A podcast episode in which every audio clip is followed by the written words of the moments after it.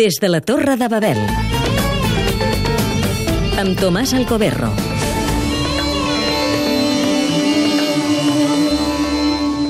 Deu anys de l'ocupació i de la guerra nord-americana de l'Iraq, dos anys de la rebel·lió i de la guerra civil de Síria. Recordo el dia que a Bagdad els xiites iraquians, amb l'ajuda dels marins dels Estats Units, varen enderrocar l'estàtua del Saddam Hussein a la plaça del Fardús. Els iraquians, amb martells, amb cadenes, van destruir la seva estàtua, la varen arrastrar per la plaça, arrencant el seu cap com si es tractés d'un cos humà.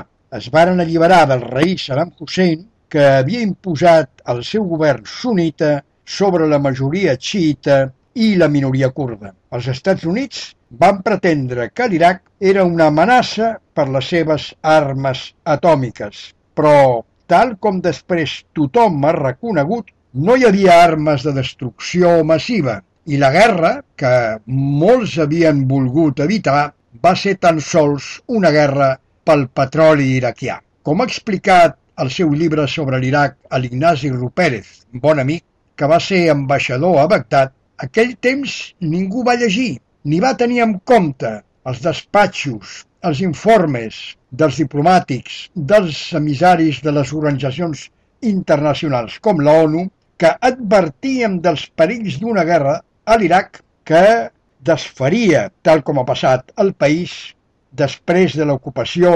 nord-americana i que l'enfonsaria amb una guerra civil entre sunites i xiites llarga i cruel que encara no ha acabat. A Síria, el que va ser al començament una lluita dels manifestants pacífics, sobretot sunites, amb l'exèrcit del govern de domini alauita del raïs Bashar al-Assad, s'ha convertit en una guerra civil interminable, destructora, entre sunites i alauites que sobrepassa el conflicte local i ha esdevingut un conflicte internacional molt ampli on estan implicats l'Iran, Rússia, els xiites que ajuden al règim de Damasc i Qatar, Aràbia Saudí, els Estats Units, governs d'Europa al costat dels rebels.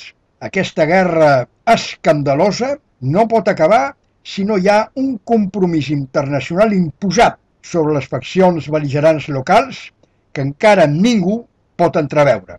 Les poblacions de l'Iraq i de Síria han estat i són víctimes de les intrigues internacionals. Des de la Torre de Babel.